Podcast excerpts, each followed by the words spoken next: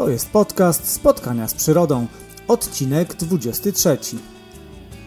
Dzisiaj mam dla Was y, ważny temat.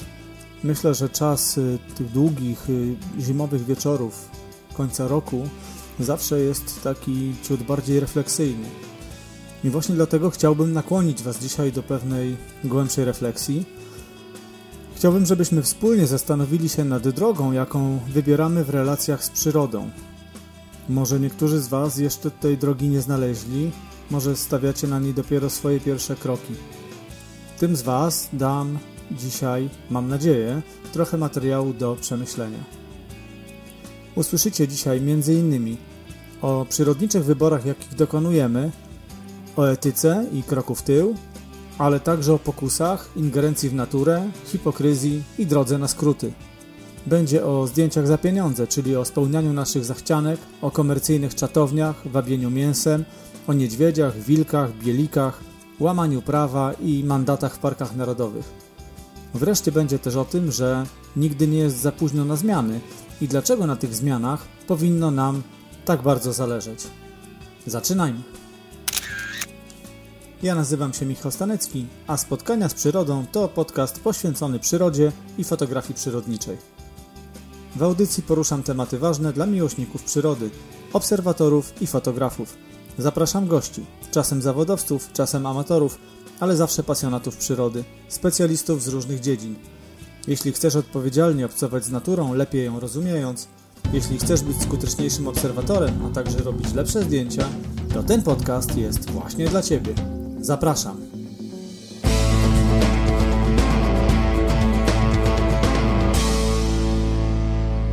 Dzisiaj trochę nietypowo, bowiem y, mówię do Was z y, działki. Jesteśmy na działce, to jest y, takie miejsce dla nas bardzo ważne, mała leśna działka, która jest naszym azylem i takim miejscem, do którego możemy uciekać z miasta po każdym w zasadzie tygodniu. Spędzamy tu weekendy i stąd wyruszamy na nasze weekendowe przyrodnicze wycieczki. Teraz jestem po długim marszu z psami. Po zmroku y, przeszedłem z nimi przez lasy dystans 16 km, trochę więcej niż planowałem. Lekko mnie poniosło, ale to jest y, taki pewnego rodzaju rytuał, który praktykuję już od y, kilku ładnych miesięcy i można powiedzieć, że stało się to takim trochę mistycznym przeżyciem, bo jest to rodzaj takiego przejścia między tym tygodniem, miejskim tygodniem pracy, i codziennych y, obowiązków, różnych zmartwień i stresów, a, a takim weekendowym odpoczynkiem i relaksem. No i to miejsce właśnie takiemu relaksowi sprzyja. Ta mała leśna działka jest miejscem, w którym jest cicho, w nocy jest tu ciemno, widać gwiazdy, nie, nie widać za bardzo świateł miasta. 25 km od Łodzi to wystarcza. Tutaj ładujemy akumulatory, tutaj Mamy też odskocznie, no staramy się ten czas spędzać e, bardziej offline. Nie zawsze jest e, idealnie, ale jest, jest całkiem, całkiem nieźle. A teraz gdzieś tutaj za ścianą e, moja żona czyta sobie książkę, psy chrapią, odsypiają ten długi, długi marsz.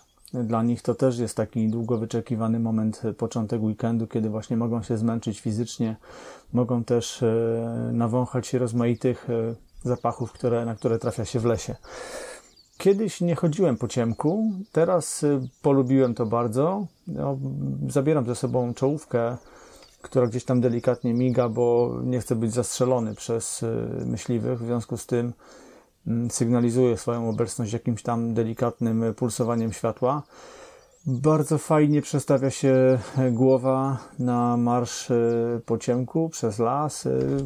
Przejście lasem doskonale widać, wystarczy, że jest w miarę pogodna noc, wtedy naprawdę robi się widno, oczy się przyzwyczajają, zmysły trochę inaczej pracują, dużo więcej słyszymy. Podczas takich zimowych przejść udało mi się słyszeć sowę uszatą, usłyszałem pójczkę, usłyszałem, no puszczyki to raczej regularnie, więc naprawdę jest trochę wrażeń. Czasami gdzieś z lasu patrzą na nas jakieś oczy, jedne, drugie, także jest trochę emocji, są momenty z adrenaliną. Nie ma jakichś nieprzyjemnych przygód. Raczej trasę mam zawsze tak wytyczoną, żeby omijać wioski, bo wtedy obszczekują nas mocno psy. E, no i tak wygląda ten piątkowy rytuał.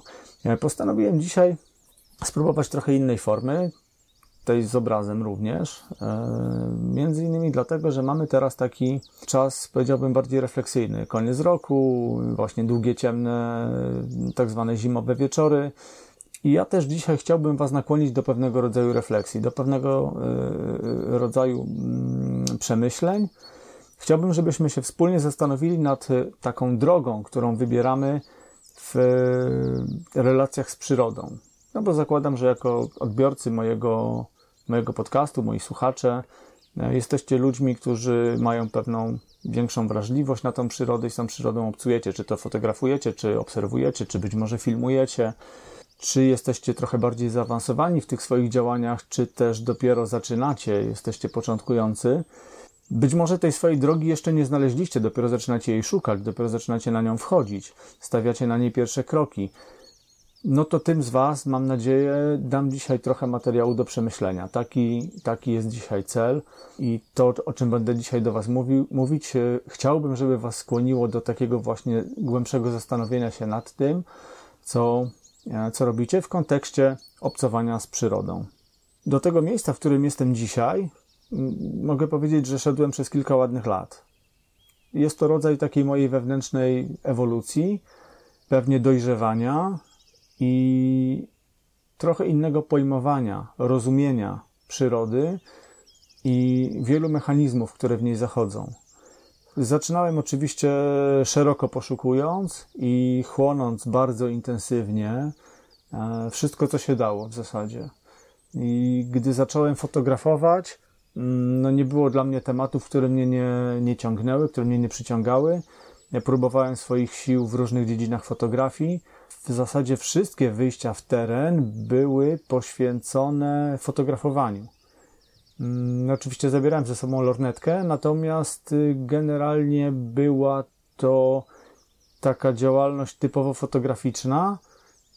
No, oczywiście na początku zdecydowanie mniej udolna, ale w miarę tego, jak zdobywałem pewne terenowe doświadczenia i uczyłem się tej fotografii, no powiedzmy, że zacząłem osiągać jakieś tam w miarę satysfakcjonujące mnie e, efekty, aż e, po, e, po kilku latach gdzieś ta skala się przeważyła i zacząłem bardziej oglądać, obserwować i przychodziła taka świadomość, że to gonienie za fotografią, nie mówię tutaj w rozumieniu za wszelką cenę, bo nigdy tak nie było, ale to, to gonienie za fotografią bardzo ograniczało moje, moje spojrzenie na szeroko pojętą przyrodę i bardzo często łapałem się na tym, że będąc świadkiem jakiejś sytuacji, na przykład jakiejś dynamicznej akcji, która się gdzieś tam w naturze rozgrywała, patrząc przez wizjer aparatu i koncentrując się na fotografowaniu,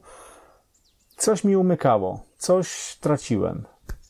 I w związku z tym na przestrzeni czasu zaczęło się dziać tak, że częściej zerkałem i sięgałem. Sięgałem po lornetkę i przez nią zerkałem, obserwowałem w trochę szerszym kontekście to, co się działo, a coraz rzadziej po aparat.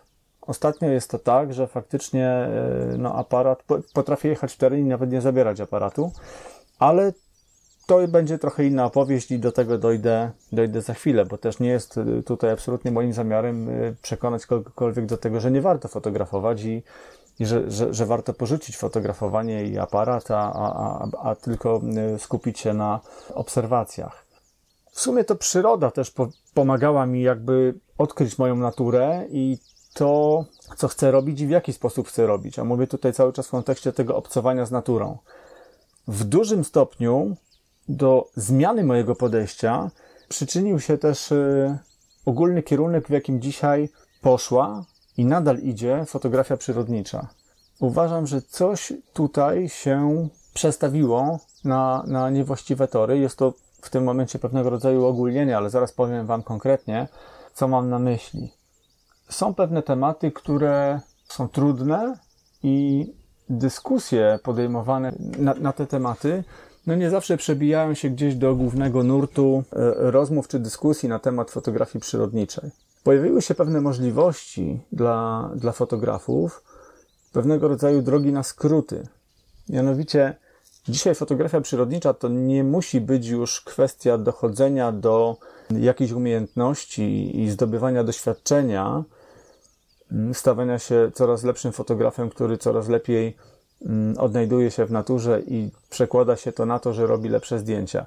Dzisiaj są takie możliwości, że można za kasę znaleźć się w miejscu, w którym posadzi nas ktoś i da nam możliwości fotografowania mm, dzikich zwierząt bez e, zadawania sobie trudu zdobywania wiedzy na temat tych zwierząt, na temat tych gatunków, wiedzy na temat środowiska, w jakim występują, ich e, chociażby zwyczajów, czasu ich aktywności, nie wiem, sezonowej, dobowej.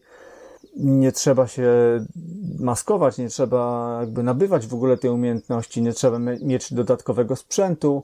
Niemalże w cywilnych ciuchach można sobie usiąść wygodnie w czatowni, otworzyć e, małe okienko, wysunąć obiektyw i fotografować zwierzęta, dostając niemalże gwarancję tego, że one przyjdą w nasze pole widzenia.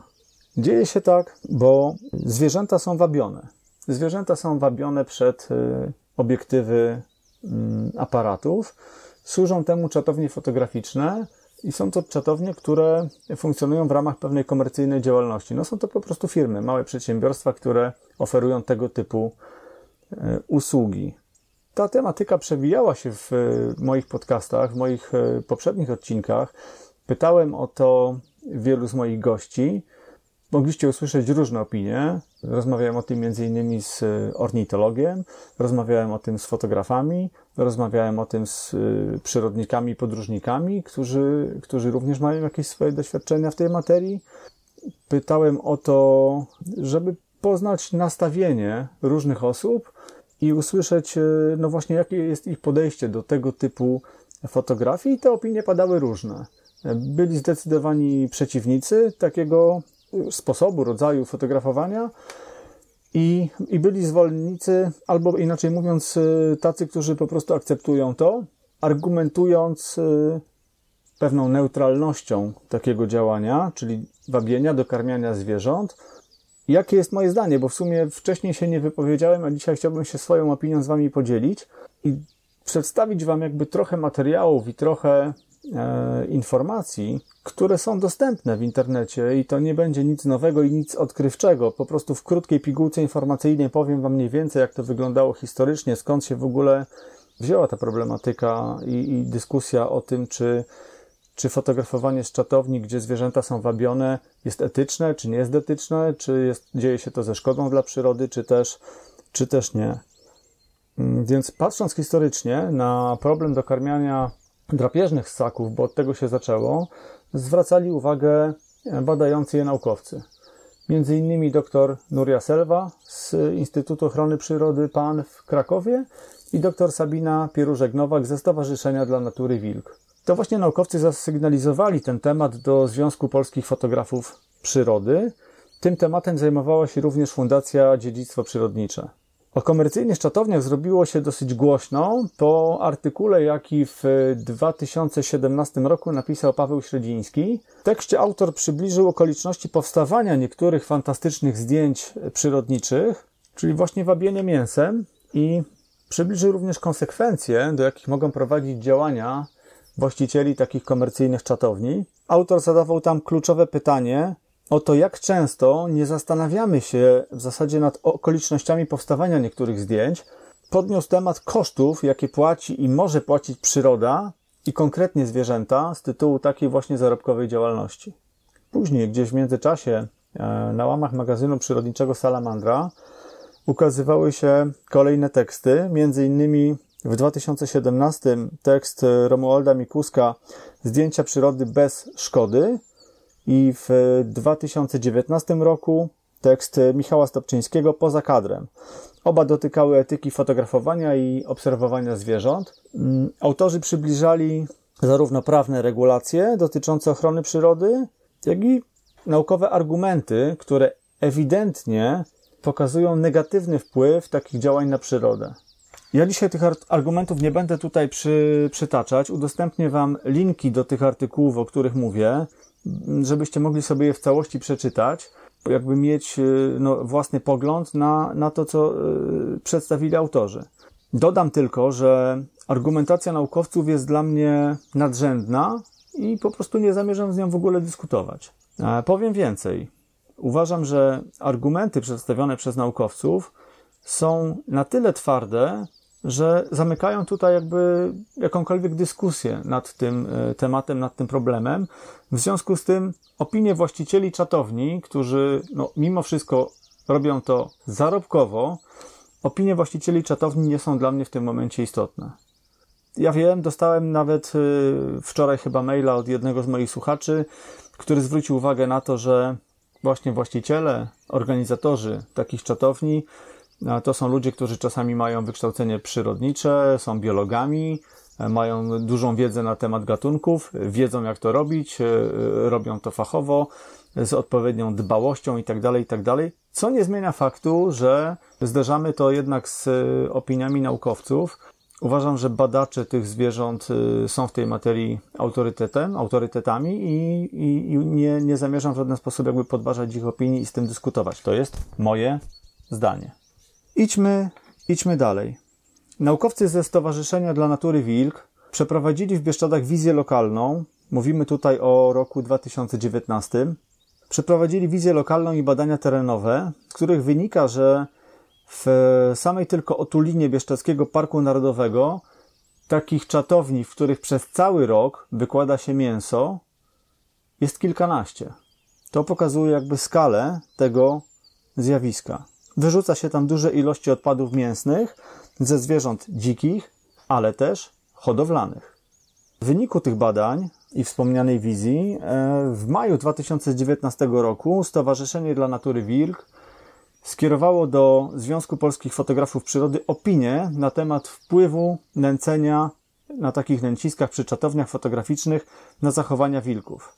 Skutkowało to tym, że wreszcie w czerwcu 2019 roku zarząd ZPFP, Związku Polskich Fotografów Przyrody, zajął stanowisko i do kodeksu etycznego wpisał zakaz fotografowania dużych drapieżnych ssaków z czatowni. Mówimy tutaj głównie o wilkach, niedźwiedziach i rysiach. Okej. Okay. Zajrzyjmy zatem do kodeksu etycznego. Jakie zapisy możemy znaleźć w kodeksie etycznym? Mamy tutaj m.in. informacje o tym, że nie powinniśmy fotografować przy gniazdach, nie powinniśmy fotografować przy norach. Mamy informacje o tym, że kwestie pożywienia karmników są również dyskusyjne. Między innymi niedopuszczalne jest stosowanie żywych przynęt, np. myszy, do zwabiania dzikich zwierząt. Były takie ekstremalne przypadki. Fotografowie używali żywych myszy do tego, żeby wabić sowy, które miały polować na te myszy. Dzięki temu można było uzyskać dynamiczne ujęcia tych ptaków. Fotografia przyrodnicza nie może zostać okupiona życiem innych zwierząt, czytamy dalej w kodeksie e, etycznym. Ze względu na poważne ryzyko zmiany zachowania i wystąpienia konfliktu na linii człowiek-zwierzę, zakazane jest dokarmianie dużych ssaków drapieżnych wilk, niedźwiedź, ryś w celu wykonania zdjęcia. A co z ptakami? Co z ptakami drapieżnymi? Może o tym za chwilę. Zacznijmy najpierw od niedźwiedzi i od wilków. Po kolei. Niedawno słuchałem rozmowy ze znanym polskim fotografem, który pracuje pod szyldem National Geographic. Rozmowa dotyczyła właśnie etycznego fotografowania zwierząt. I ten fotograf stwierdził, że fotografowanie niedźwiedzi na północy Finlandii nie budzi takich wątpliwości jak u nas, bo tamte zwierzęta żyją na bardzo rozległych i bardzo słabo zamieszkałych terenach. W związku z tym nie zachodzi ryzyko sprowokowania ich do zmiany swoich zachowań i do, no powiedzmy, przecinania ich dróg z, z drogami ludzi. I ja się z tym zgadzam. Pewnie, że to ryzyko jest y, dużo większe w naszych małych Bieszczadach niż y, w rozległej tajdze Karelii. Natomiast pytanie, czy to ma być dla mnie kluczowym argumentem i czy to zamyka sprawę i tę sprawę wyjaśnia? Uważam, że nie. Uważam, że nie. Tym bardziej w sytuacji, gdy ktoś robi to zarobkowo w ramach prowadzenia działalności turystycznej, czyli zabiera ze sobą grupę, która płaci i dostaje e, możliwość e, fotografowania z takich właśnie czatowni. Czyli mm, organizator zapewnia im e, transport, zakwaterowanie, plus dostęp do takiego właśnie ośrodka, nazwijmy to, gdzie mm, wszystko jest przygotowane.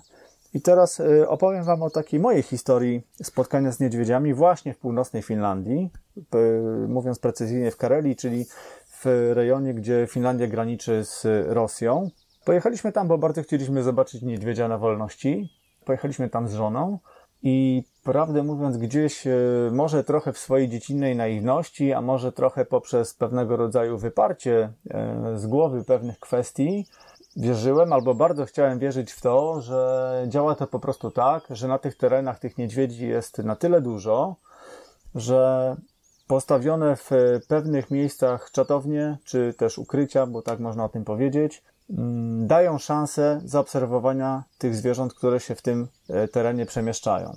No powtarzam, było to dosyć, dosyć naiwne, albo, albo tak jak mówię, po prostu gdzieś tam sobie coś w głowie zablokowałem, żeby nie, nie psuć sobie zabawy. Właśnie do zabawy, do tego wrócę troszkę później. No i cóż, pojechaliśmy. Wygląda to tak, że trafiamy do środka, jest kilka pokojów noclegowych. Działa to trochę odwrotnie niż normalnie, czyli w dzień się śpi, natomiast pod wieczór zbierana jest grupa.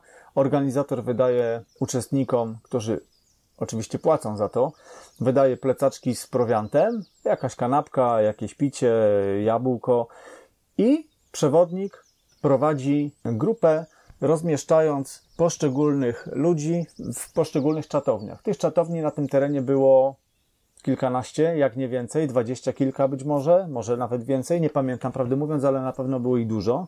Po kładkach, po deskach, y, na terenach częściowo podmokłych y, przechodzi się do takich ukryć, w których y, zamykamy się od środka i poprzez pewnego rodzaju szczeliny obserwacyjne możemy sobie gdzieś tam to okolice dookoła lustrować, czekając na, na żądaną akcję, na, na pożądaną akcję. W rejonie tym pojawiają się niedźwiedzie, pojawiają się wilki, pojawiają się rosomaki, także y, potencjał jest y, niesamowity. No oczywiście przy okazji jakieś ptaki, kruki i tak dalej. No adrenalina, przygoda niesamowita, bo jakby oczekiwanie na to, co się może wydarzyć i samo to, że w ogóle siedzimy gdzieś na końcu świata, pod rosyjską granicą, zamknięci w tajdze, w jakiejś drewnianej budce i być może za chwilę w okolicy pojawią się niedźwiedzie, więc po prostu przeżycie nie z tej ziemi. To był czerwiec, więc to był czas y, krótkich i dosyć jasnych nocy na północy. No i w, mijały kolejne godziny. Nie pamiętam, prawdę mówiąc, o której zaczynaliśmy, powiedzmy, że o 19 czy 20 w okolicy północy, a Emocje były mieszane, no bo na początku duży entuzjazm i adrenalina, ale potem mija pierwsza, druga godzina, nic się nie dzieje. Trzecia godzina, nic się nie dzieje, więc yy, entuzjazm trochę siadał. Aż w momencie, kiedy przyszła ta krótka noc, powiedzmy ten e, czas, kiedy faktycznie zrobiło się tak, jak u nas jest do zmierzchu, yy, gdzieś kątem oka udało się zarejestrować ruch. No i okazało się, że faktycznie po kolejnej chwili My siedzieliśmy akurat na, na takim terenie, gdzie przed sobą mieliśmy już las. Nie były to jakieś otwarte, e, zalane tereny, podmokłe tereny. E, mieliśmy kawałek lasu. Nasza czatownia była trochę na uboczu. Zarejestrowaliśmy ruch, okazało się, że faktycznie idzie niedźwiedź, więc pff, serducho łomotało gdzieś, gdzieś na szyi.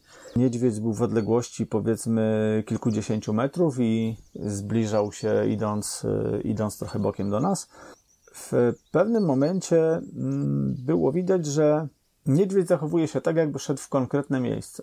I ten niedźwiedź faktycznie zatrzymał się w pewnym miejscu w lesie, kilkoma płynnymi ruchami łapy, otworzył coś w rodzaju skrytki w poszyciu e, lasu, coś stamtąd wydłubał i to pożarł. I odszedł. Potem kawałek dalej przeszedł drugi, drugi niedźwiedź. Udało się zrobić kilka zdjęć. E, tak jak mówię, no adrenalina była, serce waliło. W takim momencie, kiedy niedźwiedź był najbliżej, to mogło być, no nie wiem, 20 metrów, może troszkę więcej. W każdym bądź razie naprawdę było to przeżycie pff, gęsia skórka i tak dalej. Ale w momencie, kiedy niedźwiedź otworzył wkomponowaną w ściółkę skrytkę, coś się, coś się zadziało. Trochę prysnął czar. Pojawiła się taka myśl, zaraz, zaraz, o co chodzi. Tam było ukryte coś, co tego niedźwiedzia miało w to miejsce przywabić. I to się udało, i to działało. Wprowadziło to do naszego przeżycia pewnego rodzaju niesmak. Oczywiście no, nie zrujnowało tego przeżycia, bo byliśmy tam, przeżyliśmy to. Cały kontekst był fajny, okoliczności były fajne. Natomiast dopiero później przyszła pewnego rodzaju refleksja, że no jednak uczestniczyliśmy w jakiejś manipulacji, w czymś, co było po prostu ingerencją w przyrodę. Nie była to naturalna, zastana sytuacja, w której widzieliśmy niedźwiedzia przechadzającego się swoim szlakiem. To był niedźwiedź, który nauczył się przychodzić po pożywienie wykładane przez ludzi. I w momencie, gdy sobie to uświadomiłem, to tak jak mówię, czar prysnął. To już nie było to. Pozostał pewnego rodzaju niesmak. Z jednej strony niesmak, że, że coś takiego się dzieje, coś takiego się tam odbywa, a druga sprawa, że jednak y, no, uczestniczyliśmy w tym, wzięliśmy w tym udział. Powtórzę, nie zepsuło to nam frajdy z zobaczenia niedźwiedzia, natomiast zmąciło naszą radość i spowodowało gdzieś taki, taki właśnie niesmak.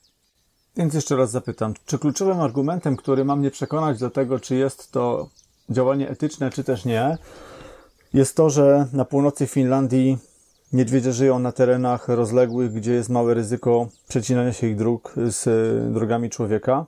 Faktycznie to ryzyko w Bieszczadach jest zdecydowanie większe niż w Karelii, aczkolwiek naukowcy e, zbadali to i, i wyciągnęli wnioski. U nas faktycznie to ryzyko jest duże. Niedźwiedzie, wilki przełamują swój strach przed człowiekiem.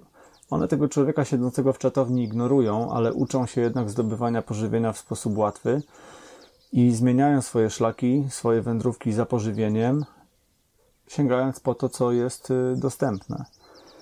Mm, powiedziałem, że nie są to dla mnie y, kluczowe argumenty, bo ja podchodzę do tego i jakby oceniam to na trochę innej płaszczyźnie. Ja po prostu nie chcę robić takich zdjęć. Nie chcę robić zdjęć w takich okolicznościach. Nie potrzebuję robić zdjęć w takich okolicznościach. To nie jest tak, że muszę zrobić to zdjęcie. Jest to raczej rodzaj mojego, mojej zachcianki, mojego kaprysu. Jak powiedziałem, dla zabawy. Chcieliśmy to zobaczyć, chcieliśmy przeżyć. Dla zabawy w rozumieniu no, pewnej frajdy i spełnienia jednego ze swoich przyrodniczych marzeń. Ale dzisiaj wiem, że chciałbym to przeżyć w trochę innej formie. Jednak cały czas mam gdzieś przed oczami e, tego niedźwiedzia, który otwiera, otwiera skrytkę łapą, wyciąga, nie wiem, suszoną rybę, cokolwiek by tam nie było. To nie moja droga. Ja tak, ja tak nie chcę. Ja po prostu tak nie potrzebuję. W związku z tym nie jest mi potrzebna cała ta argumentacja ze strony naukowców. Przeczytałem, rozumiem, zgadzam się z tym, akceptuję, nie neguję tego, nie dyskutuję z tym. Oczywiście, tak, tak jest i, i, i wierzę ludziom, którzy poświęcają lata na to, żeby te zwierzęta badać.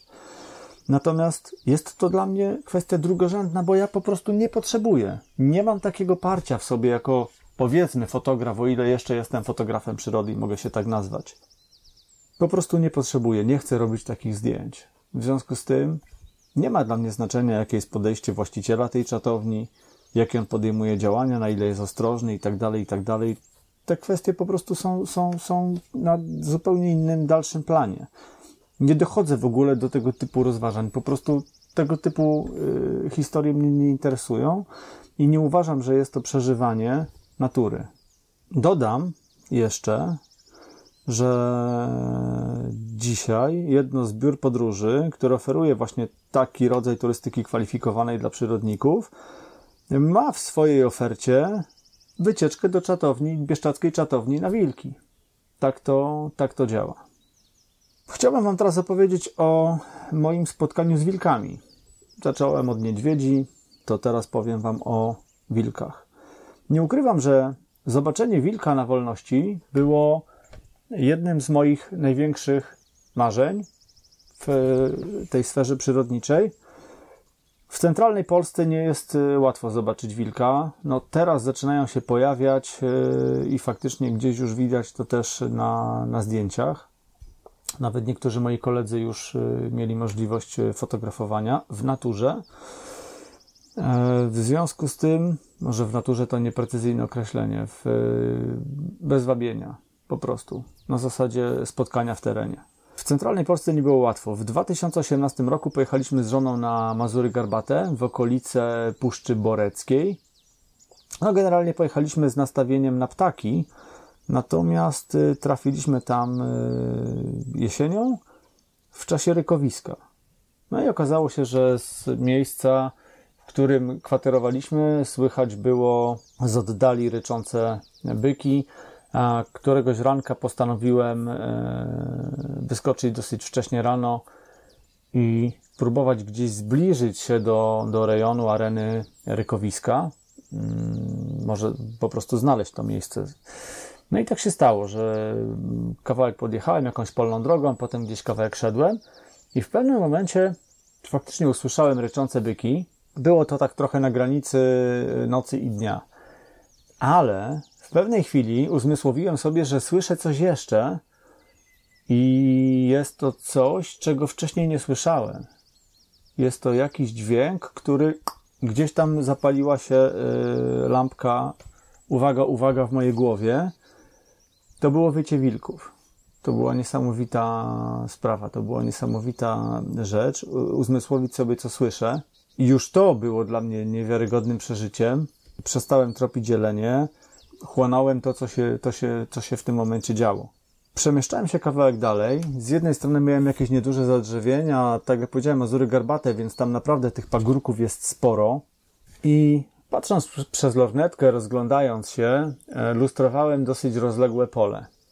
Po drugiej stronie pola, bardzo daleko, kilkaset metrów dalej, naprawdę kawał, kawał przede mną, pod ścianą przeciwległego lasu, zobaczyłem jakiś ruch. Dopiero po chwili zorientowałem się, na co patrzę. Widziałem wilka.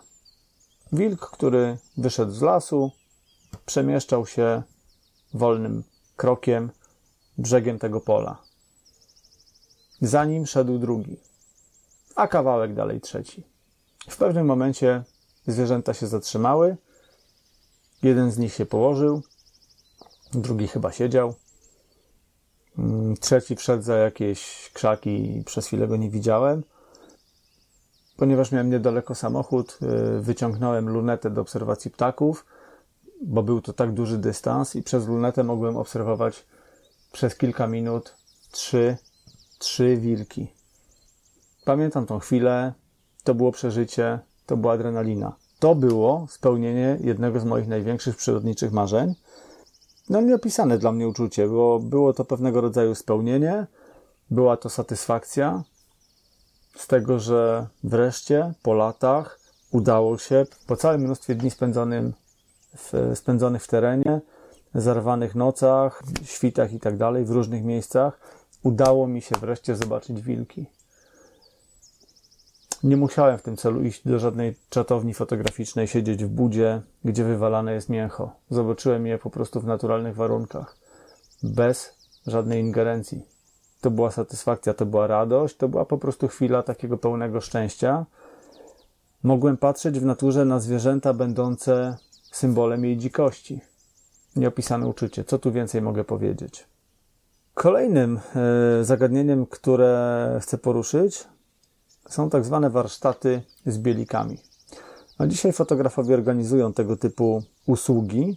No i mówimy tu znowu o wabieniu przed budy fotograficzne poprzez wyrzucanie mięsa, a inną formą fotografowania bielików są zdjęcia nad wodą. Działa to tak, że z łodzi wyrzuca się ryby, a ptaki nalatując podejmują te ryby z wody pozując super efektownie do zdjęć fotografom, którzy płyną w tej łodzi. Zdaje się, że pierwszy był jakiś e, gość na Zalewie Szczecińskim, który wpadł na ten pomysł. Być może rybak. Nie wiem od czego się dokładnie zaczęło, ale wiem, że zaczął serwować tego typu usługi. Dzisiaj już właśnie nazywanych tak warsztatów jest już więcej i tego typu e, oferta znalazła się już w, w portfolio wielu fotografów, jakby oferujących dzisiaj takie, takie usługi. Bieliki to ptaki będące pod ochroną. One teraz mają się w naszym kraju dosyć dobrze i populacja się odbudowuje, jest, jest ok. Nie potrzebują tego typu wsparcia i pomocy. Nie muszą być dokarmiane w ten sposób. Jest to ingerowanie w naturę. Jest to dla mnie ja to tak postrzegam. Pewne zakłamywanie rzeczywistości. Jeżeli chcę zobaczyć bieliki, dzisiaj nie jest to taka trudna sztuka.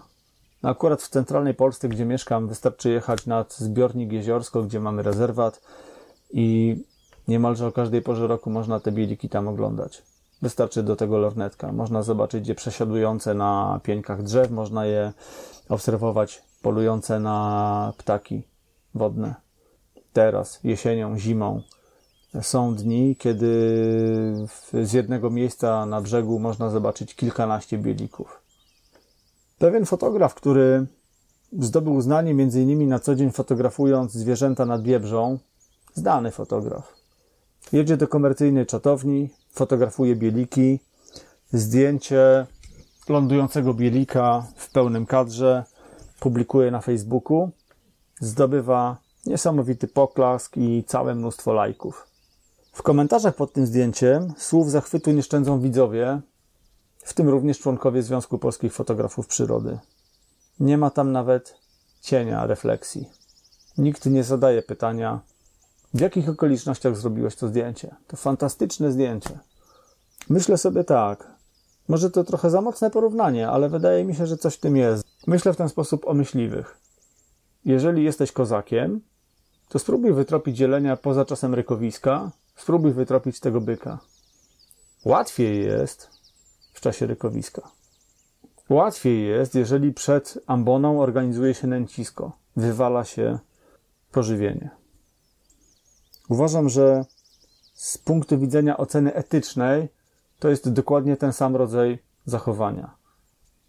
Wabimy dla zaspokojenia jakiejś swojej zachcianki, swojego kaprysu. Oczywiście fotograf nie zabija, ale pośrednio przy, przyczynia się do tego, że ta przyroda w jakim stopniu może ucierpieć.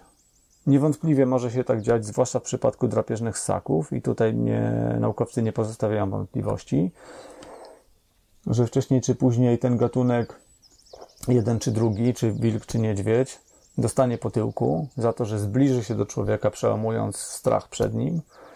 Takie zwierzęta gdzieś w konsekwencji mogą zostać nawet odstrzelone.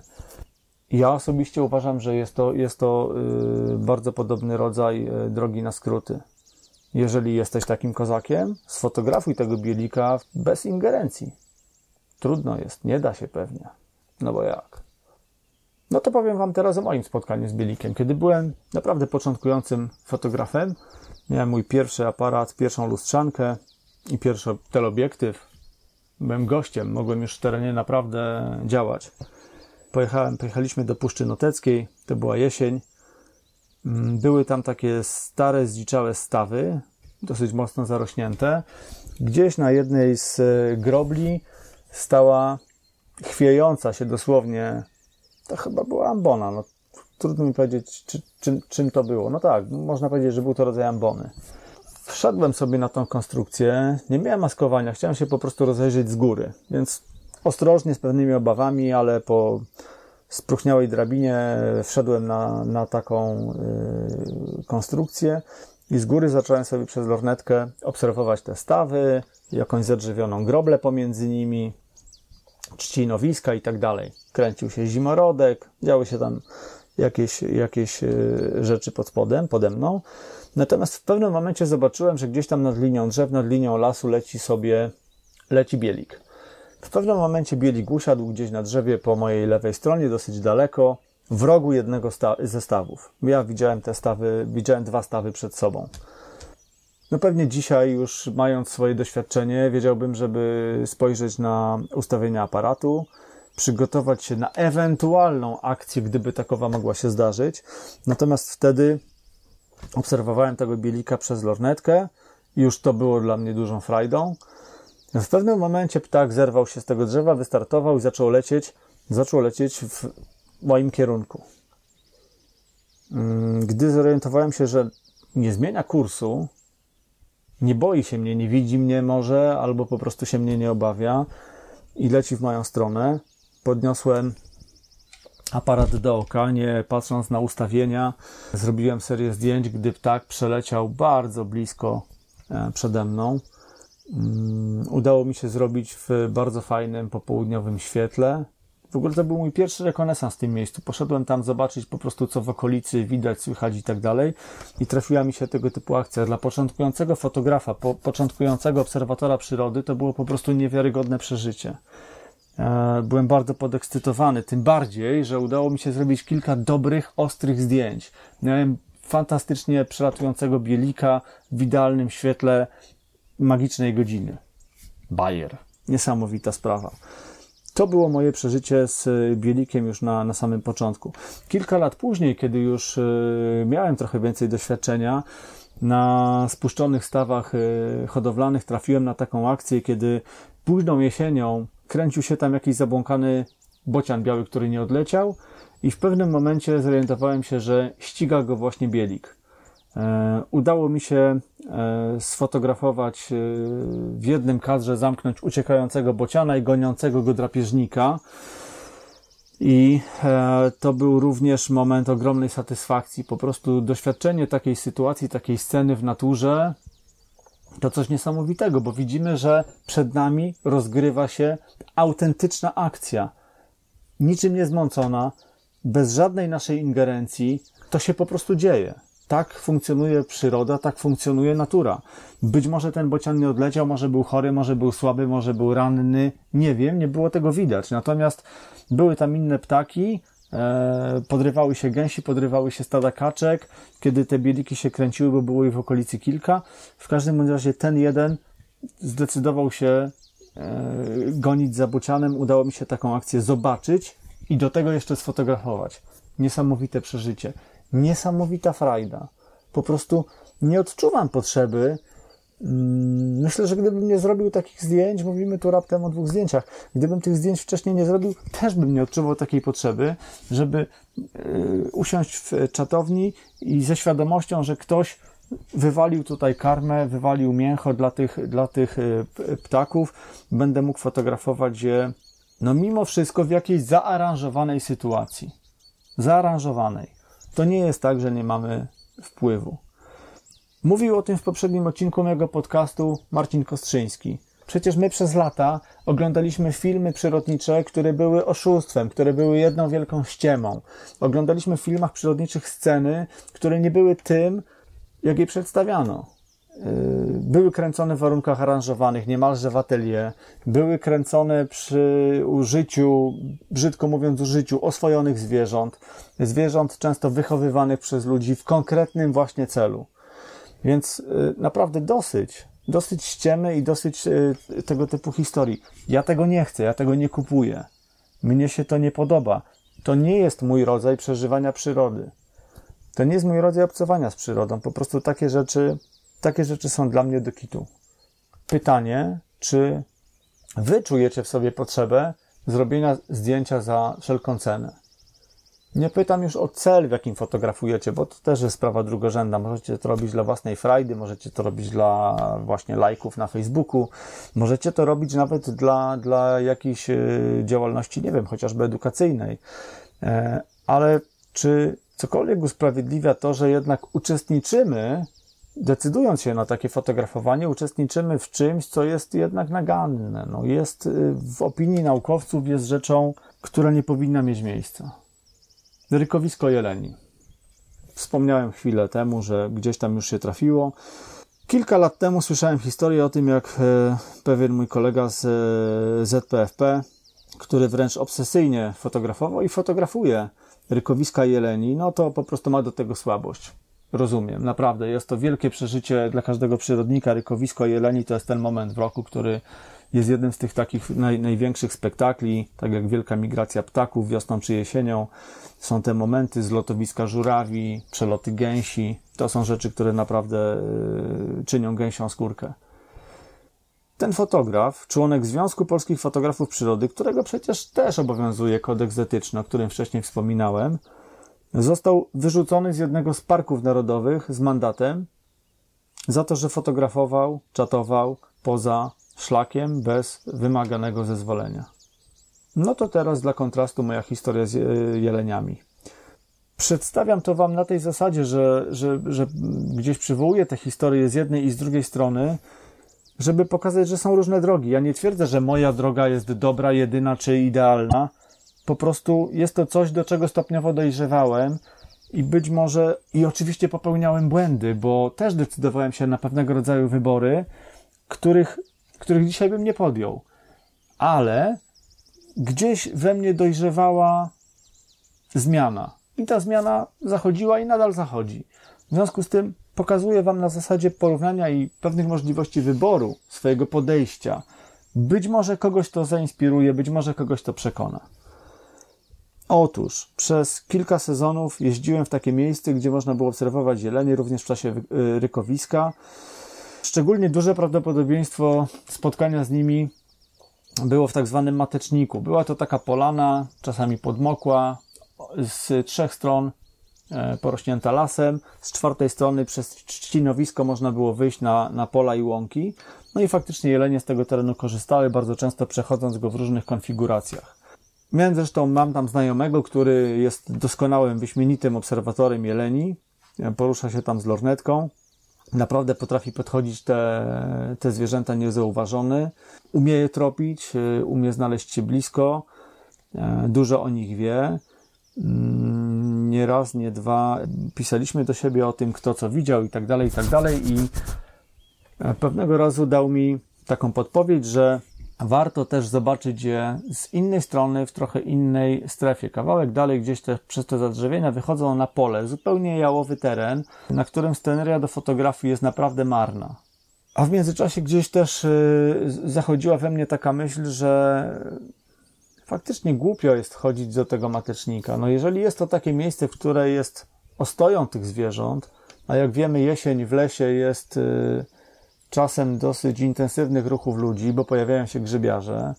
Grzybiarze też bardzo często spychają te zwierzęta i o tym też mówił w poprzednim odcinku Marcin Kostrzyński, że taką sytuację gdzieś zastał, że ci grzybiarze spychają te zwierzęta właśnie w takie miejsca, w których one mogą przeczekać, mogą mieć chwilę spokoju.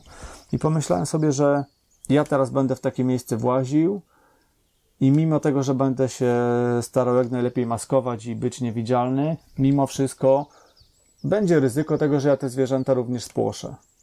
Zostawmy im kawałek przestrzeni. Zostawmy im kawałek miejsca, w którym mogą przeczekać, mogą się ukryć. Postanowiłem coś zmienić. Za radą tego mojego znajomego pojechałem w środku nocy, a może w środku przesadzam, jesienią nie trzeba w środku, no ale bardzo wczesnym rankiem, od zupełnie innej strony, porzucając ten matecznik. Stwierdziłem, że nie chcę tam już chodzić. Nie, nie czułem się tam już komfortowo. Gdy pojawiały się pierwsze promienie dnia, szedłem jeszcze przez las. Gdzieś między drzewami dalej majaczyła mi jas, jaśniejsza przestrzeń tego pola. Usłyszałem ryczące byki i zbliżając się do tego pola, zobaczyłem między drzewami poruszające się na polu zwierzęta. Pojawiały się, ginęły, przechodziły. Były tam łanie i był tam byk. W takich dosyć trudnych warunkach, jeszcze przy w zasadzie naprawdę znikomym świetle, fotografowałem gdzieś pomiędzy drzew, z daleka, teleobiektywem, e, nie zbliżając się do tego pola, nie podchodząc tam. Uznałem, że to, co widzę, jest fajne, jest ciekawe, jest inne niż to, co widujemy zwykle na zdjęciach z rykowiska, czyli po prostu stojącego byka, który ryczy.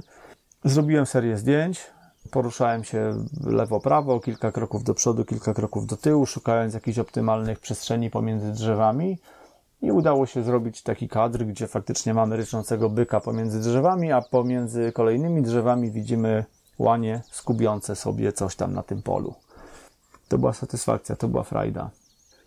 Był to taki rodzaj nagrody za to, że zrobiłem krok w tył, czyli nie napierałem na te zwierzęta, nie dążyłem tam do tego miejsca, które no w sumie dawało niemalże gwarancję tego, że znowu tej nie spotkam, że znowu będę mógł je obserwować.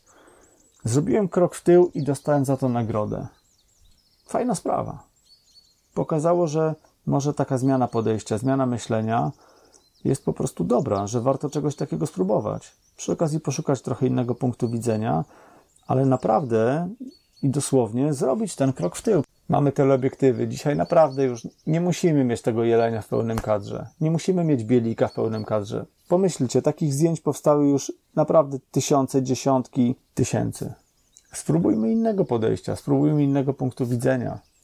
To właśnie będzie świadczyć o pewnego rodzaju kunszcie fotografa, że no nie musi dojść tak blisko, że nie musi być przy gnieździe, że nie musi być przy noże, Zobaczcie, każdego roku mamy po prostu lawinowy wyrzut zdjęć młodych lisów przy noże. No fajny, wdzięczny temat, bo młode lisy, generalnie jak wszystkie młode zwierzątka, fajne, słodkie i efektowne, aczkolwiek naprawdę tych zdjęć jest mnóstwo. No nie wiem, ja, ma, ja mam mieszane uczucia. Kolejna historia to historia puszczyka mszarnego. W Polsce najłatwiej puszczyki, najłatwiej puszczyki zobaczyć w lasach Sobiboru, ewentualnie w, na terenach Polesia. Od chyba siedmiu lat jeździmy tam z żoną i póki co puszczyka mszarnego nie widzieliśmy. I co? I nic. I pewnie pojedziemy tam jeszcze nie raz. Pod pretekstem tego, że jedziemy tam szukać puszczyka mszarnego, naprawdę świetnie zeksplorowaliśmy lasy sobiborskie. Czujemy się tam jak u siebie, znamy tam każdy szlak i, i naprawdę wiele drugich ścieżek. Poznaliśmy bardzo dobrze Poleski Park Narodowy, jeździmy tam często poza sezonem, zawsze poza sezonem tak naprawdę wakacyjnym, bo jeździmy wiosną i jesienią, a byliśmy też zimą, więc trafiamy na czas, kiedy nie ma tam turystów i naprawdę jest, jest to super miejsce, super odskocznia, ta, ten wschód Polski, naprawdę dziki wschód, ekstra. A to, że nie ma puszczyka, no to nie ma. Kiedyś może się trafi. Będzie frajda, będzie satysfakcja. Pamiętam, jak ornitocholicy w jednym z poprzednich odcinków opowiadali o tym, jakie to przeżycie, że trzęsą się ręce przy robieniu zdjęcia i tak dalej, i tak. Znam fotografów, którzy działają trochę inaczej.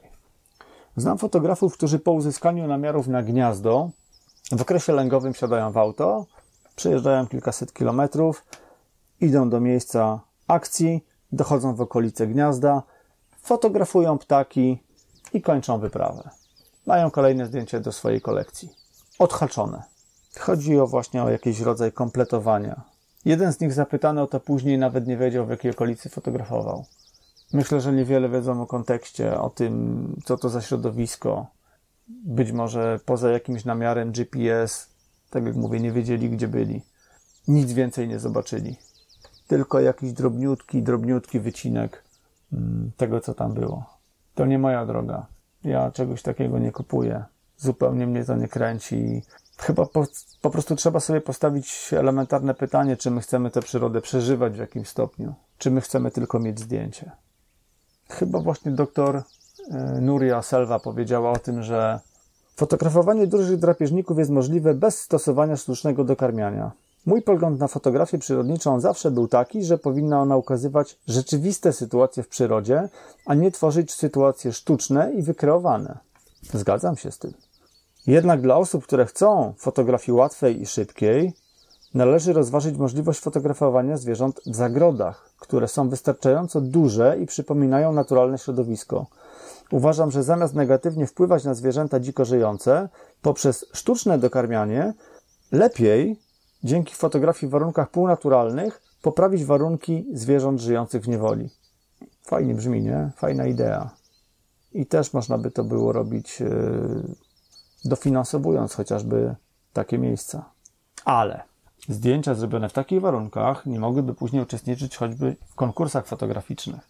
Czyli fotograf, który by takie zdjęcia zrobił, byłby pozbawiony szansy zdobycia prestiżu, zwycięstwa w konkursie fotograficznym, wyrobienia sobie marki, wyrobienia sobie e, nazwiska, a niektórzy tak funkcjonują, niektórzy mają tego typu parcie. A może w takim razie należałoby rozważyć dopuszczenie zdjęć z takich miejsc do konkursów fotograficznych? Czy uważamy, że bardziej etyczne jest fotografowanie bilików karmionych mięsem wykładanym przed czatowniami niż na przykład wilków w półnaturalnych warunkach w dużej zagrodzie. Myślę, że temat jest warty przemyślenia.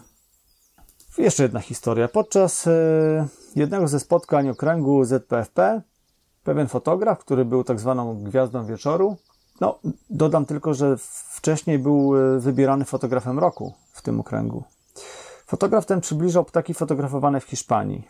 Bez y, najmniejszego skrępowania opowiadał o tym, jak po godzinie zamknięcia Parku Narodowego dla zwiedzających można było przejść przez niewielki płot, dojść do miejsca, w którym te ptaki można było nadal fotografować w złotej godzinie, w najlepszym świetle. Opowiedział o tym tak po prostu. Przeszedłem przez płot i fotografowałem dalej, bo wtedy było dobre światło. To nie moja droga. Widzieliście zdjęcia rybitw, które zawisają nad głową, pozują przed, niemalże przed samym obiektywem aparatu. Sam takie zdjęcia kiedyś robiłem w północnej Norwegii. Takich zdjęć jest sporo, bo te ptaki naprawdę efektownie e, pozują przed aparatem. W pewnym momencie można zrozumieć, że to pozowanie to jest nic innego jak efekt stresu. Ptak broni swojego lęgu. Niedaleko ma gniazdo. To jest jego rewir lęgowy. Te ptaki żyją w koloniach. One po prostu w ten sposób bronią swojego rewiru lęgowego. Atakują napastnika, zbliżając się, nalatując do niego. W ten sposób dają nam okazję do tych super fotek.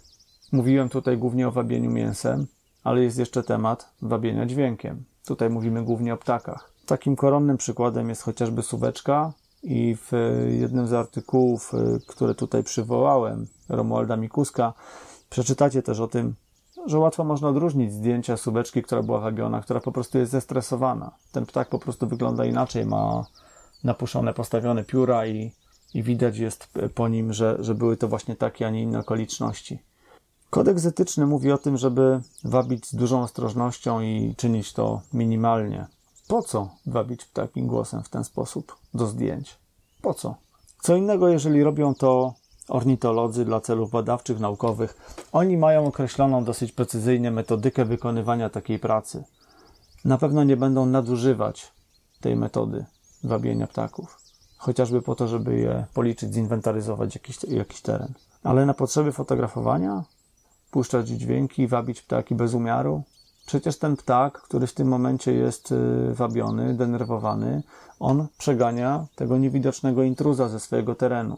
On w tym czasie nie wykonuje innych czynności, które mogą narażać chociażby go y, nawet na stratę lęgu. Może w tym czasie nie będzie ogrzewał jaj. Może w tym czasie nie będzie karmił piskląt. Może będą działy się inne rzeczy niebezpieczne dla niego czy dla, dla jego lęgu, dla jego potomstwa. Dlaczego? Po prostu, bo mamy kaprys sfotografować, mamy kaprys zwabić. To nie jest ok. Jest teraz taka aktualna kwestia. Niedawno, kilka tygodni temu, bo to już chyba kilka tygodni minęło, pojawiła się informacja na wszelkiego rodzaju forach i serwisach ornitologicznych, że w centralnej Polsce w jednym z sieradzkich parków pojawił się modraczek. Mały, rzadki ptaszek z Syberii. Faktycznie nie rada gratka. Ponieważ jest to blisko, rozważaliśmy nawet e, wycieczkę na Modraczka. Zobaczyć tego rzadkiego ptaszka. Ale czytając doniesienia obserwatorów i fotografów, którzy naprawdę licznie uderzyli do Sieradza, doszliśmy do wniosku, że ten ptaszek nie ma tam lekko. Bardzo możliwe, że są tacy, którzy są, to wiem, są tacy, którzy będą cierpliwie czekać, aż ptaszek się odezwie i wtedy ułatwi namierzenie, można czekać 2-3 godziny i osiągnąć ten cel, po prostu na ptaka sobie popatrzeć, ale będą tacy, którzy będą niecierpliwi, którzy nie będą mieli czasu. Będą wabić, będą puszczać dźwięki, licząc na to, że ptak się odezwie i w ten sposób szybciej uda się zrealizować swoje zadanie, swój cel, zobaczyć ptaka albo go sfotografować. Więc ptaszek nie ma lekko. Stwierdziliśmy, że nie chcemy, nie musimy jechać do Sieradza. Nie będziemy tego ptaka niepokoić swoją obecnością nie będziemy go tam szukać. No na koniec mogę tylko powiedzieć, że jedną z bardziej ekstremalnych historii o zachowaniu fotografa była historia pewnego gościa, który miał do pomocy tak zwanego naganiacza. Człowieka, który, którego zadaniem było albo rozsypywanie gdzieś tam ziarna robaków, y, pokarmu dla akurat ptaka, którego tam trzeba było zwabić przed y, ukrycie tego fotografa, albo po prostu od odpowiedniej strony naganiacz płoszył ptaka, powodując, żeby ten zbliżył się w stronę fotograficznej czatowni. Wstyd i hańba, naprawdę. To jest totalna porażka. Teraz pytanie, jaką drogę wybieramy?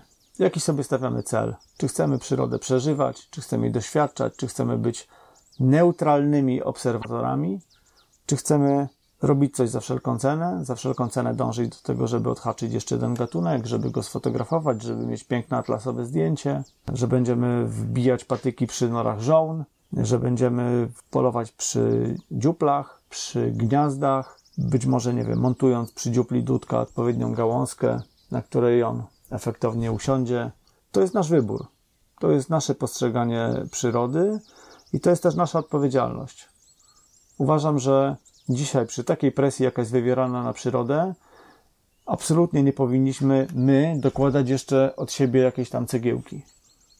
Nie powinniśmy dokładać do tego ręki. Nie powinniśmy zostawiać po sobie śladu w przyrodzie.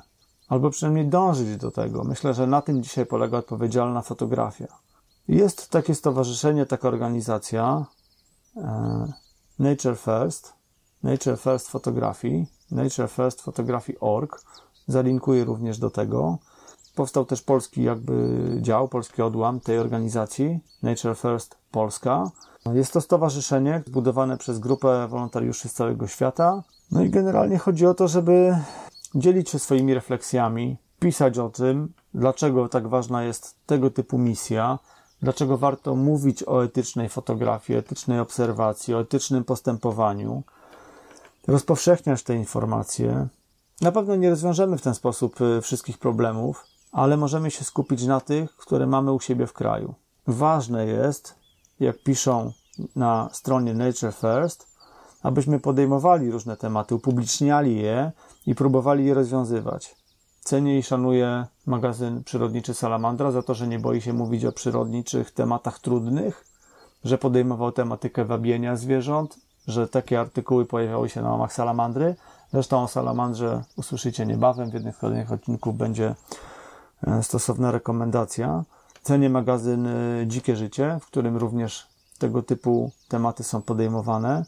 Przywołujmy regularnie przesłanie i upowszechniajmy zasady Nature First dotyczące odpowiedzialnej fotografii, która szanuje nasze środowisko.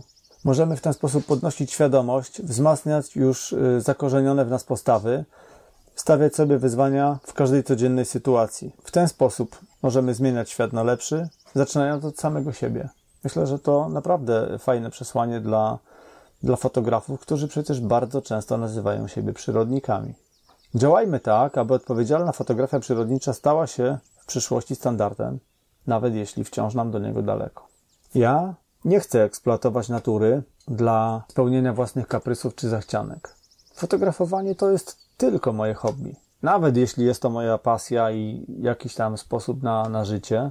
I zdjęcia robię również w celach edukacyjnych, żeby zarażać ludzi przyrodą, to jednak nigdy chęć zrobienia zdjęcia nie bierze góry nad dobrem przyrody. Robię to tak, jak umiem. Nie mówię, że wszystko mi wychodzi, że wszystko jest e, idealne.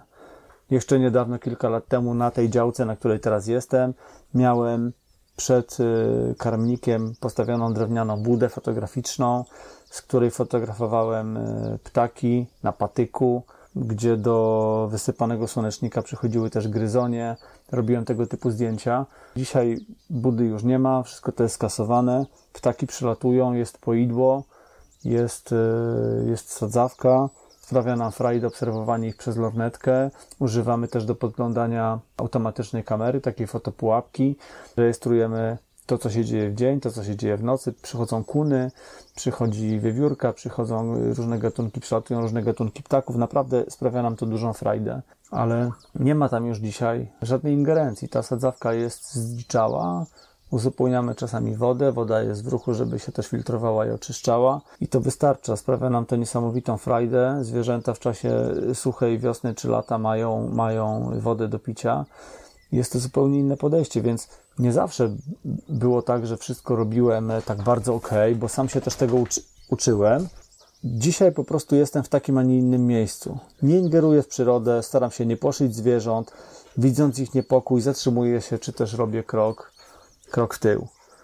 Nie wchodzę w miejsca ich odpoczynku. Gdy w przyrodniczych podróżach uczestniczą nasze psy, zawsze są na smyczach i pod pełną kontrolą, a do chociażby parków narodowych, w których obowiązuje zakaz prowadzenia psów, po prostu nie jeździmy. Takich miejsc y, unikamy.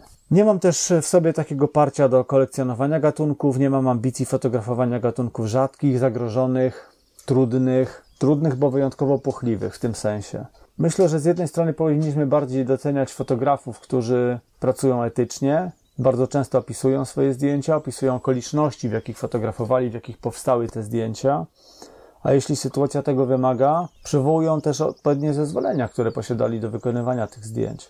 Myślę, że w ogóle byłoby to niegłupie, gdybyśmy mogli pod zdjęciami obrazującymi rzadkie gatunki zwierząt, zagrożone gatunki zwierząt, te trudne, te dyskusyjne gatunki zwierząt, mogli przeczytać krótki opis zamieszczony tam przez fotografującego, w jakich okolicznościach zostało zrobione dane zdjęcie. Rozwiązałoby to wiele trudnych, spornych kwestii. Zachęcam Was do tego, żebyście teraz na koniec roku, kiedy się pewne rzeczy gdzieś podsumowuje, inne się planuje, przemyśleli sobie ten temat. Jaką drogę wybieracie? Jaką drogą chcecie iść? Czy będzie to jednak parcie do tego, że efektem musi być zdjęcie, czy jednak chcecie przeżywać przyrodę, widząc ją szerzej, widząc ją w szerszym kontekście? Zobaczcie, że wielu z moich gości, z którymi rozmawiałem w tym podcaście, którzy fotografują, bo tych mam na myśli, jednak fotografują i gdzieś zawsze za tym jest jakiś szerszy i głębszy kontekst. Zobaczcie, że Robert, który jest pasjonatem w temacie grzybów, fotografuje te grzyby, ale jest człowiekiem na ich punkcie y, totalnie zakręconym, zwariowanym. On jest odkrywcą, on jest y, eksplorerem, on znajduje nowe gatunki, robi coś dla nauki, podchodzi do tego bardzo kompleksowo. I oczywiście fotografuje je, pokazuje, przybliża nam ten fantastyczny świat. Rozmawiałem z Tomkiem, który fotografuje nocne niebo, ale przy okazji doświadcza natury, przeżywa, bo biwakuje w nocy. Siedzi sobie sam gdzieś przy, przy ogniu i przeżywa. Przeżywa to, że jest tam sam, w tej naturze, w nocy, w takich, a nie innych okolicznościach. Znowu jest jakiś szerszy kontekst. Posłuchajcie rozmowy z Ornithoholics. Kasia i Maciek opowiadali o tym, jak y, widzieli głuszca na gałęzi, jak trzęsły się ręce, jak wstrzymywali oddechy i biło im serce i było to wielkie przeżycie i umieli się powstrzymać, obserwowali go, nie spłoszyli, wycofali się, odjechali z tego miejsca, a ptak został niespłoszony na tej gałęzi. To jest coś. To jest sztuka, naprawdę, to jest, y, to jest to, o czym mówimy. Doceniajmy takich ludzi, doceniajmy takie działania, doceniajmy takich fotografów i próbujmy iść podobną drogą. To jest właśnie szacunek dla natury, szacunek dla przyrody w tych naprawdę trudnych dla niej czasach. No to chyba tyle. Myślę, że, że powiedziałem Wam dosyć dużo. Przy okazji trochę się też otwierając i trochę, trochę mówiąc o sobie. Powtórzę raz jeszcze, to jest oczywiście moja prywatna opinia, moje zdanie, mm, zarówno w kwestii wabienia, komercyjnych czatowni i całej reszty.